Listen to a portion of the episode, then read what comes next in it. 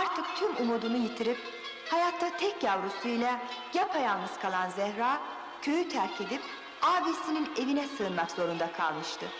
Abisinin ne huysuz ne gaddar bir hırsız bir ayyaş olduğunu bile bile çalmıştı kapısını. Şarabım, şarabım. Ziyan oldu senin yüzünden. Gebersin piçin. Ulan nerede benim namusum? Ne derim el aleme kimin piçi derlerse ha? Haysiyetim şerefim ne olur benim? Seni namussuz seni. Kıyma abi, atma bizi sokağa! Bir de sizi besleyeceğim ha. Git kimden edindinse o baksın. Hadi git, git! Dur ver bakayım.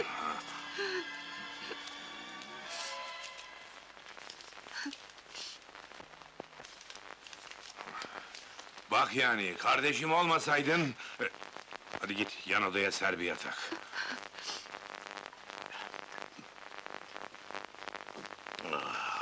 Ama namus... Bulamıyordu zavallı Ferdi.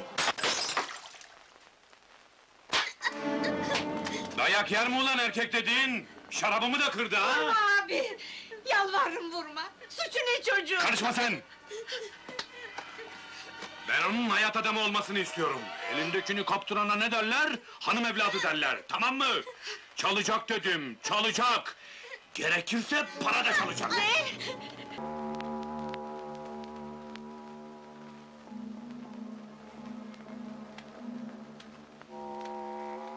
Hayır dayı, hırsızlık yapamam ben.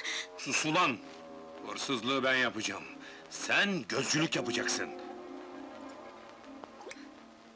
Bir dükkan nasıl soyulur onu öğreteceğim sana hanım evladı. Tut bakalım şunu. Etrafa da göz kulak ol. Dayı, sen ha? Aferin sana. Bu kız tam benim aradığım yağlı bir kuyruk. Bütün servet bu kızınmış. Demek ki seni çok iyi yetiştirmişim evlat. Sonra yakanız elimde oğlum. Hapisten çıkar çıkmaz bu kızı ve seni adım adım izledim. Yürü eve. İlk soygunu nasıl dümenleyeceğiz onu konuşalım. Hayır, dokunma bana. Ölsem uymam sana artık. Doğru yoldan ayrılmam dayı. Vay vay vay. Bizim oğlan bir gözleri ahuya vurulmuş. Hanım kız uğruna bize uyamazmış. Hah! Bana maltı sasan derler. Ben adamı ne yaparım bilir misin? Akşam tam saatinde eve damlamadığın an... ...yapışırım ananın yakasına.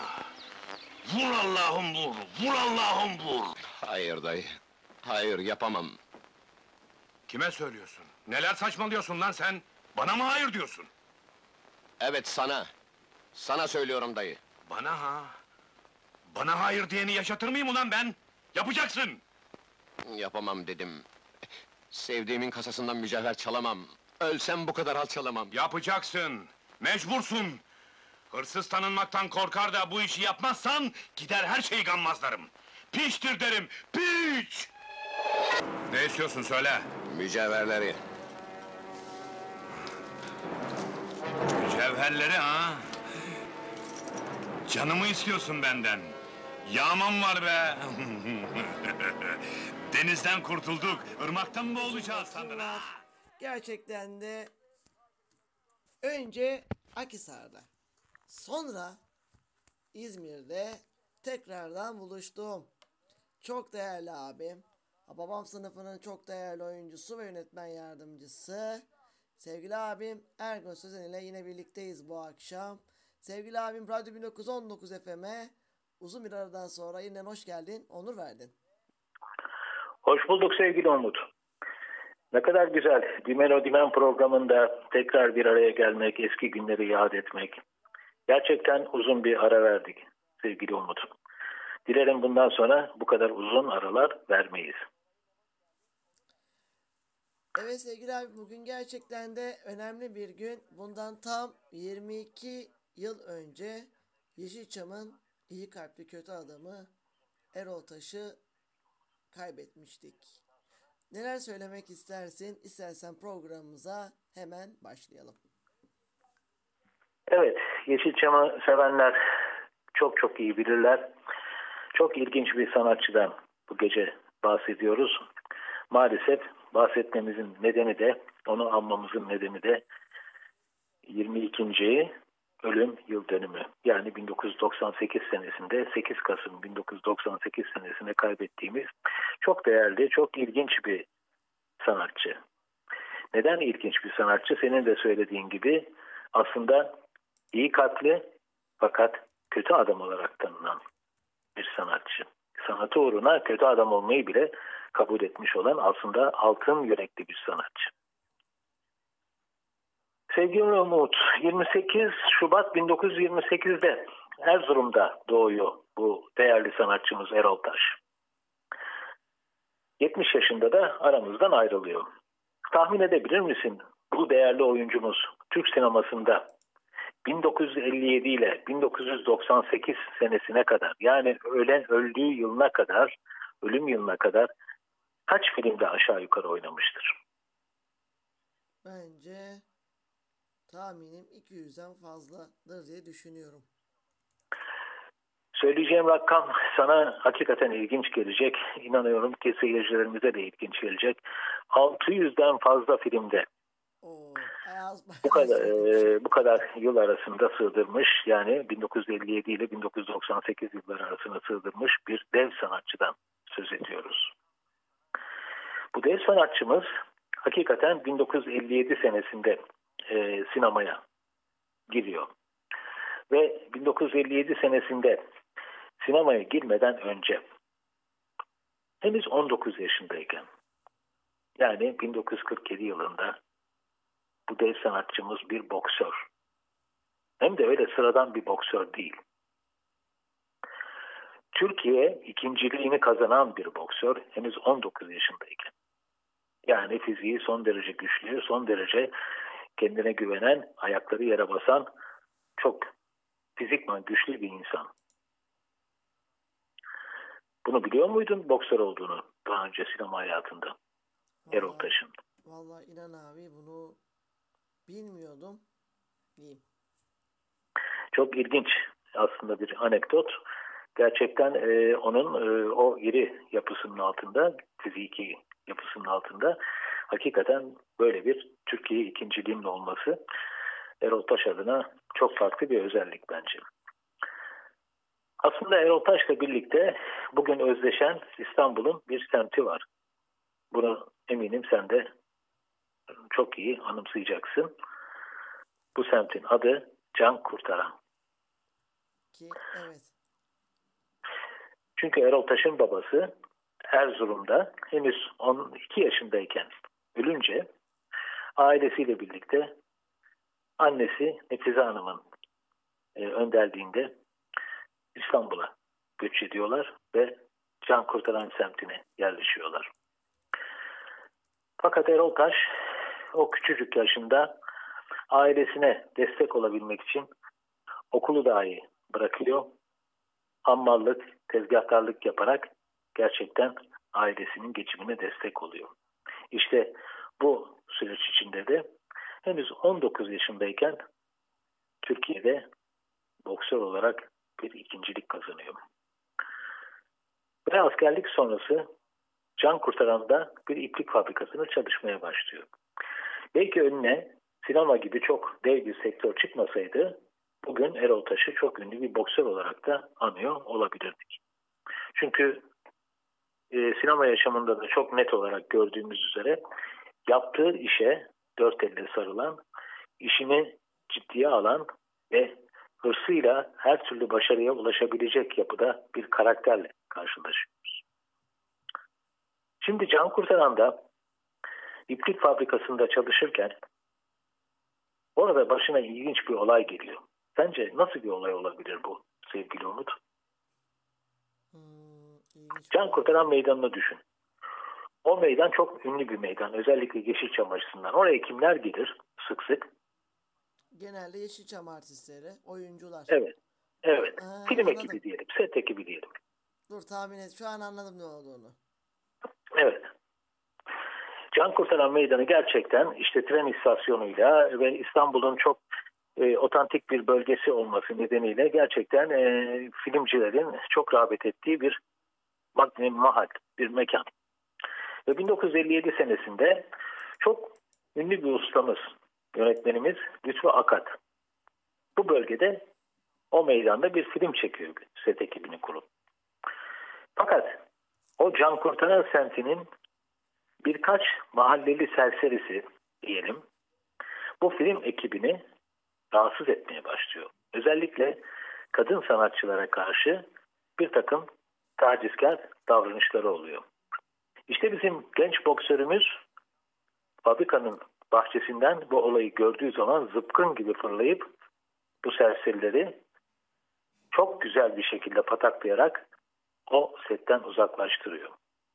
Onlar diyor bizim konuklarımız. Konuklara bu şekilde davranmak en büyük şerefsizliktir diyor. Böyle bir davranışı Lütfü Akat'ın usta yönetmenin dikkatini çekiyor. Evladım diyor ben burada zaten kavga sahnesi çekmeye geldim. Gel diyor şu kavga sahnesinde seni de kullanayım dublör olarak. Yani bir nevi gel bana figüranlık yap demeye getiriyor. Hakikaten ona güzel de bir ücret veriyorlar o gün. Ve Erol Taş bu kavga sahnesinde ilk kez kamera önüne geçiyor. Ama gerçek sinemaya başladığı film bu değil. Orada bu olayı Lütfü Akat'la yaşadığı bu olayı sadece sinemayla bir tanışma olarak kabul etmek gerekiyor. Ama içinde bir kere o kamera ateşi tutuşuyor ve 1957 senesinde yine bu kez Mümtaz Alparslan diye bir yönetmen karşısına çıkıyor. Acı Günler diye bir film çekecek. Ve bu Acı Günler filmi için gerçekten Lütfü Akat'tan bu genç delikanlı hakkında olumlu referans alıp onu karakter oyuncusu olarak filmine davet ediyor. İşte kavga sahneleri falan var filmde ve Erol Taş biçilmiş kaptan bunun için. Ama Erol Taş aynı zamanda bir can kurtaran kapıdayız. Sette öyle yönetmen yönetmen pek dinleyecek bir karakter değil. Zaten ilk defa tanıştığı bir ortamda bir hayli probleme sebep oluyor ve Mümtaz e, Alparslan isimli yönetmen Erol Taş'ı setten kovuyor. Ama öyle de hırslanıyor ki bu genç oyuncumuz işte diyor göreceksiniz ben bu işte öyle bir ilerleyeceğim öyle bir ilerleyeceğim ki bugün beni setten kovanlar yarın bu yaptıklarından utanacaklar. Ve sanırım tam bir yıl sonra tekrardan bir filme daha giriyor değil mi abi?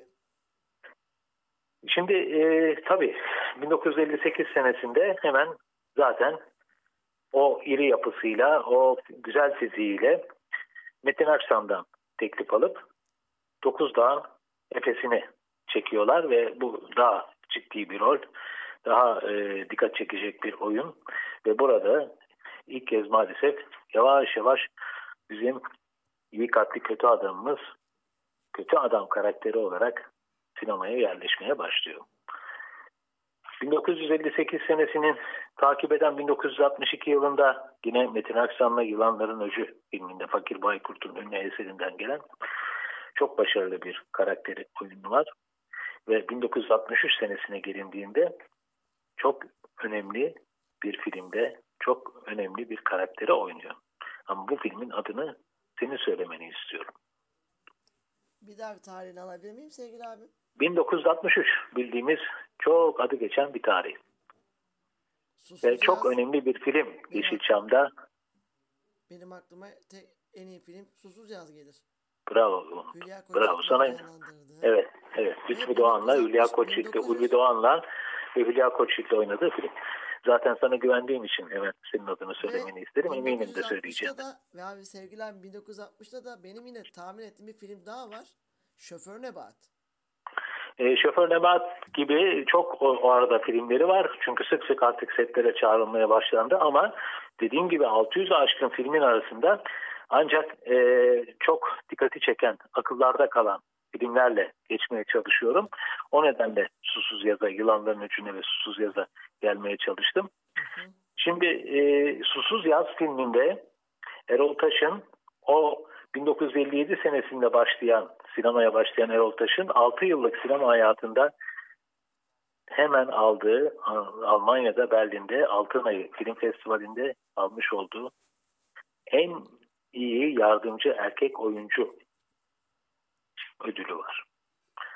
Evet Susuz Yaz zaten en iyi film olarak bu festivalde Berlin Altın Ay Festivali'nde Yeşilçam'ın yüzünü ağartan bir film.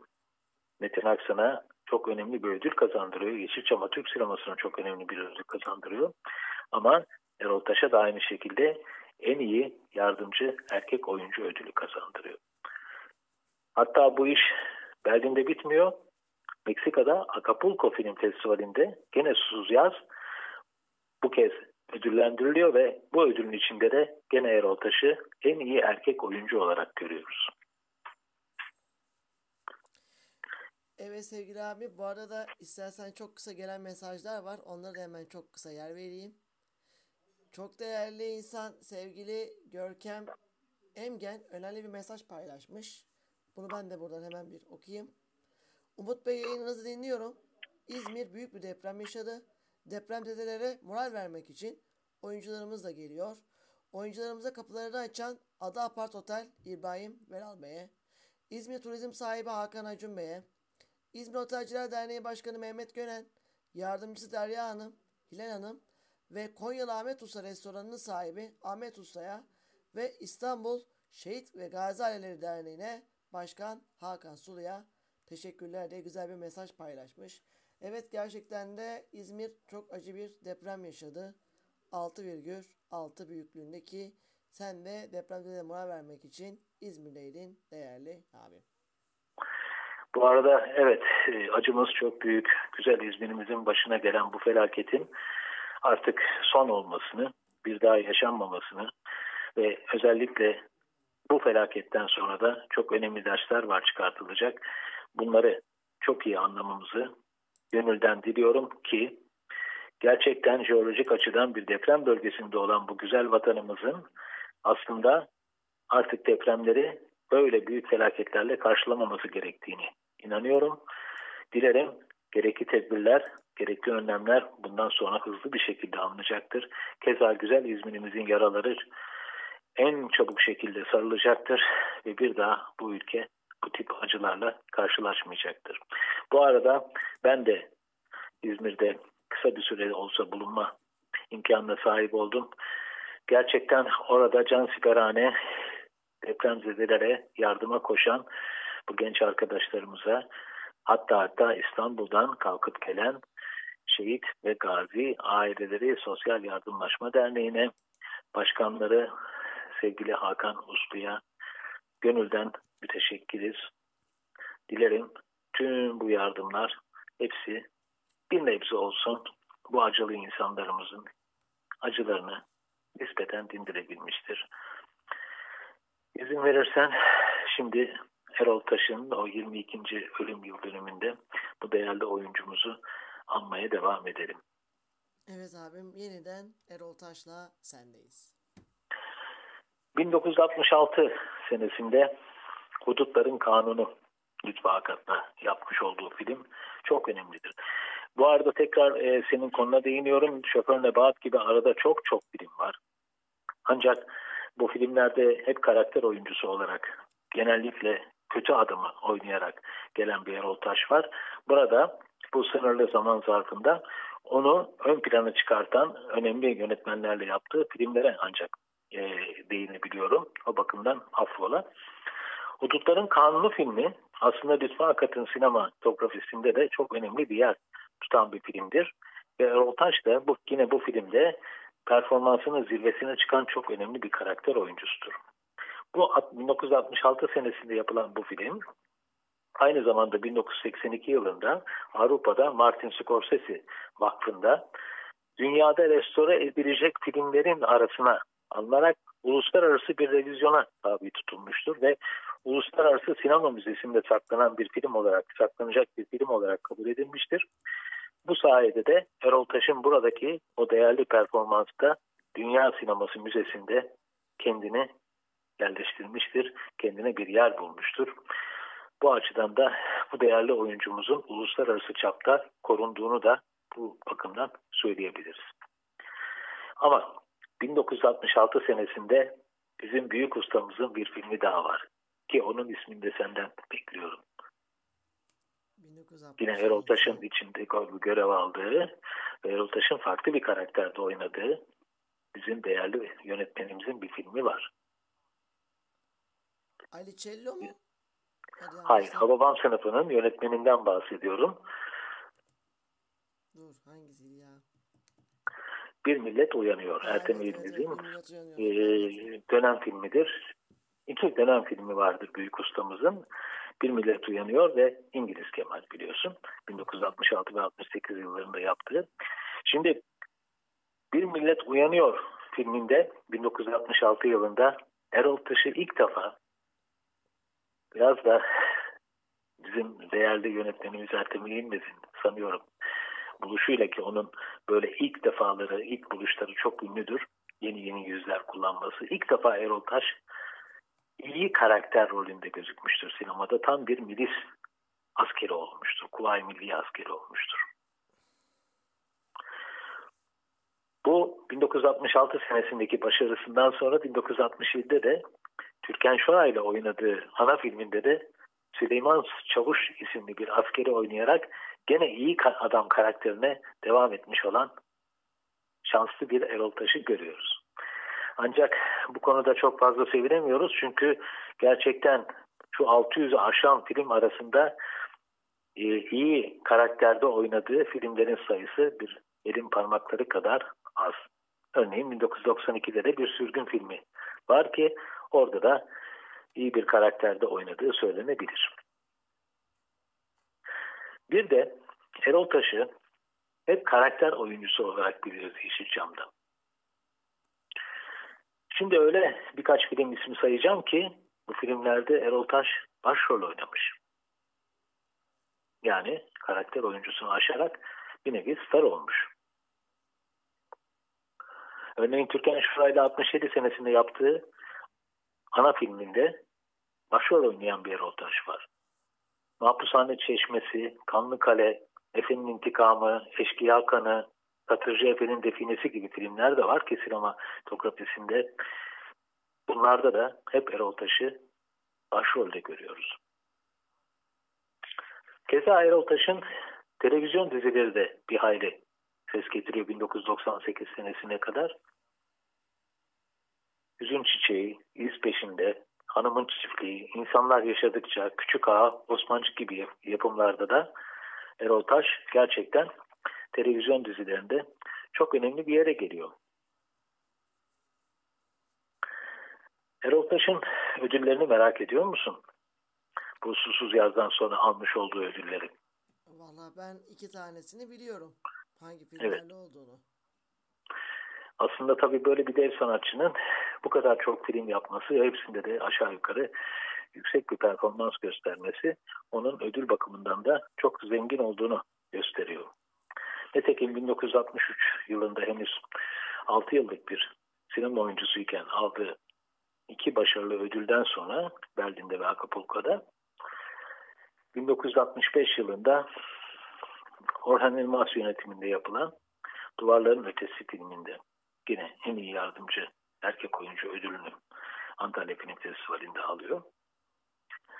1968 senesinde 5. Antalya Film Festivali'nde de bu kez Yılmaz Güney ile birlikte oynadığı Yılmaz Zur'un yönetiminde çekilen İnce Cumali filminde en iyi erkek oyuncu, yardımcı erkek oyuncu ödülüyle ödüllendiriliyor.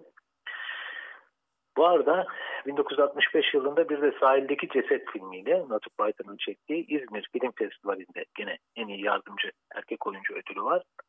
1975 senesinde de Antalya Film Festivali'nde Lütfü Akat'ın üçlemesi olan Gül, e, Diyet filminde e, gelin, düğün ve diyet filmleridir. Bu üçüncü filmde gene en iyi yardımcı erkek oyuncu ödülünü kazanıyor. Yani Lütfü Akat'la aslında en başarılı çalışmalarını yapan karakter oyunculardan bir tanesi.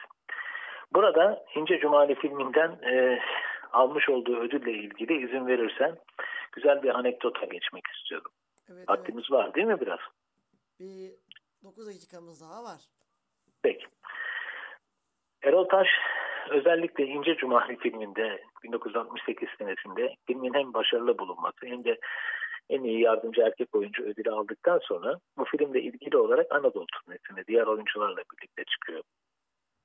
Ve bu Anadolu turnesinde gittikleri yerlerde filmin gösteriminden önce kürsü kuruluyor, oyuncular çıkıyor, halka hitap ediyor, seyirciye hitap ediyorlar. Bütün kadro aslında kürsüye çıkıp konuştuğu zaman toplanan halk tarafından alkışlarla karşılanıyor. Sıra Erol Taş'a gelince iş değişiyor. Birdenbire Erol Taş'ı kürsüde gören o toplanan kitle taş atmaya, sopa, sopalar atmaya, yuhlar çekmeye ve ona hakaretler yağdırmaya başlıyorlar. Çünkü o toplumda böyle benimsenmiş kötü bir adam. Ve işte Erol Taş o taşlara, o sopalara, o küfürlere karşılık çok meşhur bir söz söylüyor. Bugün hala kulaklarda çınlar. Seyirciye diyor ki atın atın. Aslında siz bana taş değil ekmek atıyorsunuz. Ve arkasından da o meşhur kahkahasını atıyor. Böyle bir sözün üzerine tabii ki o yuhlar, o hakaretler bitiyor ve dakikalarca kendisini alkışlıyorlar. İşte böyle hayatın acılarıyla sürekli karşılaşmış aslında devamlı toplumda kötü adam e, e, olarak benimsenmiş ve buna sürekli olarak da karşı savunma yapmak zorunda kalmış dev bir sanatçı. Erol Taş'ın bu e, kötü adamlığının dışında gerçekten altın yürekli bir aile babası olduğunu buradan bir kez daha hatırlatmak istiyorum. Ve bu konuda da aslında çok şanssız olduğunu söylemek istiyorum. Üç tane çocuğu var Erol Taş'ın. Güler ve Gönül, ikizler, bir de oğlu Metin. Şimdi bu Güler ve Gönül henüz 6 yaşındayken, oğlu Metin de 3 yaşındayken 1965 senesinde Erol Taş eşini kaybediyor kanserden. Ve bu tarihten itibaren Erol Taş bu üç çocuğuna hem anne hem baba olarak tek başına bakıyor ve onları tek başına büyütüyor. İşte sinema hayatında birçok ödül almış. Yeşilçam'ın en iyi karakter oyuncularından biri ama aynı zamanda da daima çocuklarının yanında olan, parayı hiç düşünmeyen, çok idealist, altın yürekli bir insan. Ve onun her zaman çok benimsediği, gönlünde yaşattığı semti Can Kurtaran. Can Kurtaran onun için o kadar önemli ki onu bütün arayanlar aslında Can Kurtaran'da o güzel kıraathanesinde buluyorlar. Ve giderek gelen konuklarını hem o kıraathanede karşılıyor hem de gelen film ekiplerinin için o kıraathaneyi gerçek bir film seti gibi donatıyor. Yeşilçam'ın o yıllarda 1965'li yıllarda 70'li yıllara kadar çektiği birçok filmde özellikle kıraathane sahnelerinde Erol Taş'ın Can Kurtaran'daki bu mekanını görürüz. Erol Taş 1998 senesinde öldükten sonra da kızları tarafından bu kahve Erol Taş Kültür Merkezi olarak korunuyor. Ve oraya babalarının kocaman bir resmini asıyorlar. Resmin altında da ne yazıyor biliyor musun sevgili Umut? Gerçi onu hatırlamıyorum. En son küçükken gelmiştim İstanbul'a. O resmin altında, o kocaman resmin altında nur içinde yat, iyi kalpli, kötü adam yazıyor. Yani Erol Taş'ın bütün ömrü boyunca aslında o altın kalbini can kurtaran semti, orada yaşayan insanlar çok iyi biliyorlar. Ama sinemanın bir kaderidir bu. Oynadığınız karakter rollerine göre maalesef seyircinin karşısında her türlü tepkiye de hazırlıklı olmak gerekir. Bir de onların Yeşilçam'da bu kadar etkin olduğu yıllarda henüz sinemadan başka bir görsel iletişim yolu olmadığını düşünürsek tek sinemayla insanlar ancak onu görebiliyorlar ve sinemada ne görürlerse bir yerde gerçek yaşantılarında da aynı olayı özleştiriyorlar. Dolayısıyla Erol Taş'ın aslında nerede görülürse görülsün e, daima lanetlendiğini, küfürlerle karşılaştığını kendisi her zaman anlatmıştır, ifade etmiştir ama hiçbir zaman da seyirciye karşı saygısızlık etmemiş. O dev gibi cüssesiyle başını önüne eğip gitmiştir. Bir de Erol Taş'ın aslında bütün bu 600'ü aşan filmden dolayı Yeşilçam'da çok büyük emek vermiş olmasına rağmen çok büyük zorluklarla hayatına devam ettirdiğini bütün çevresi bilir. Çünkü o yıllarda filmcilerin bonoları meşhurdu. Peşin paralar oyuncuya pek ödenemezdi. Onun karşılığında ileri tarihli bonolar verilirdi.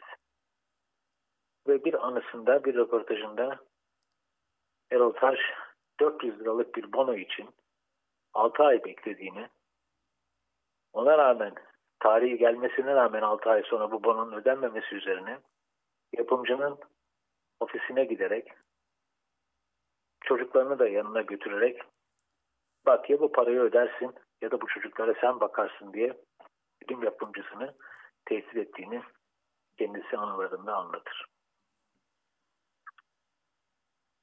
Yani onlar bir başka insanlardı. Bugünkü sinema sanatçılarıyla, bugünkü dizi oyuncularıyla karşılaştırılmayacak kadar güç imkanlarda, kısıtlı imkanlarda ayakta durmaya çalışan insanlardı. Her türlü güçlüğe göğüs gererek o çok sevdikleri sinemanın içinde yaşamaya gayret ediyorlardı. Hiçbirinin öyle aşırı bir lüksü, aşırı bir rahatlığı yoktu. Hepsi de zar zor hayatlarını devam ettirebiliyorlardı. Zaten yine bunların içinde Erol Taş nispeten bir aile ortamı içinde aramızdan ayrılan şanslı bir Yeşilçam sanatçısıdır.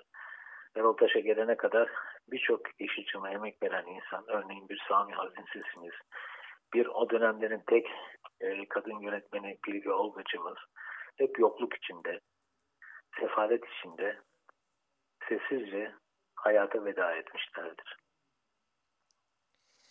Evet sevgili Bir hocam. Nevzat Desenimiz mesela Yeşilçam'da parası e, iflas etmiş, beşinci kattan kendini atarak ölmüş tek Yeşilçam yönetmenimizdir. Hepsinin ruhu şad olsun. Aynen abi. Evet geldik programımızın sonuna. Son olarak Büyük Usta Erol Taş'a neler söylemek istersin? Radyo 1919 FM aracılığıyla. Türk sinemasında unutmak istemediğimiz yeri her zaman boş kalacak olan dev isimler var. Bunları burada saymaya kalksak çok uzun zaman alır. Ama inanıyorum ki Erol Taş da bu dev isimlerin aslında en önde gelenlerinden bir tanesi. Yeşilçam ve Türk sinemasına gönül verenlerin asla unutmaması gereken, yeni genç nesillerin de onların bu başarısından, onların bu performansından ve onların bu yoklukla mücadelesinden büyük dersler alması gereken dev bir sanatçı. 1919 FM'e ve şahsında sana böyle bir dev sanatçıyı anma imkanı verdiğin için bana da epeydir ara verdiğimiz o güzel sohbetleri yeniden yapma şansı verdiğin için gerçekten gönülden teşekkür ediyorum. Ve biz de buradan bir duyuru yapalım. Gerçi bu sefer çok farklı bir etkinlik için olacak. Ama değerli dinleyicilerimiz yarın ben Deniz Atom Karınca 10, 11, 12 Kasım'da nerede olacağım bu sefer? Sevgili abim Ergun Sözen'in yanında İstanbul'da olacağım. Buradan da tüm dinleyicilerimize duyuralım. Bu da ayrı bir zevkimiz. İnşallah seninle çalışmak her zaman bana büyük bir keyif verir. Bu tip etkinliklerin, bu tip çalışmalarının da her zaman böyle başarıyla devam etmesini dilerim. Yeşilçam adına da siz gençlere bu konuda müteşekkiriz. Evet sevgili abim. Gerçekten yine programımıza konuk olduğun için ben şahsım adına ve Radyo 1919 FM adına teşekkür ediyorum. Ve son gelen bir mesajı da okuyayım. Birkaç mesaj gelmiş.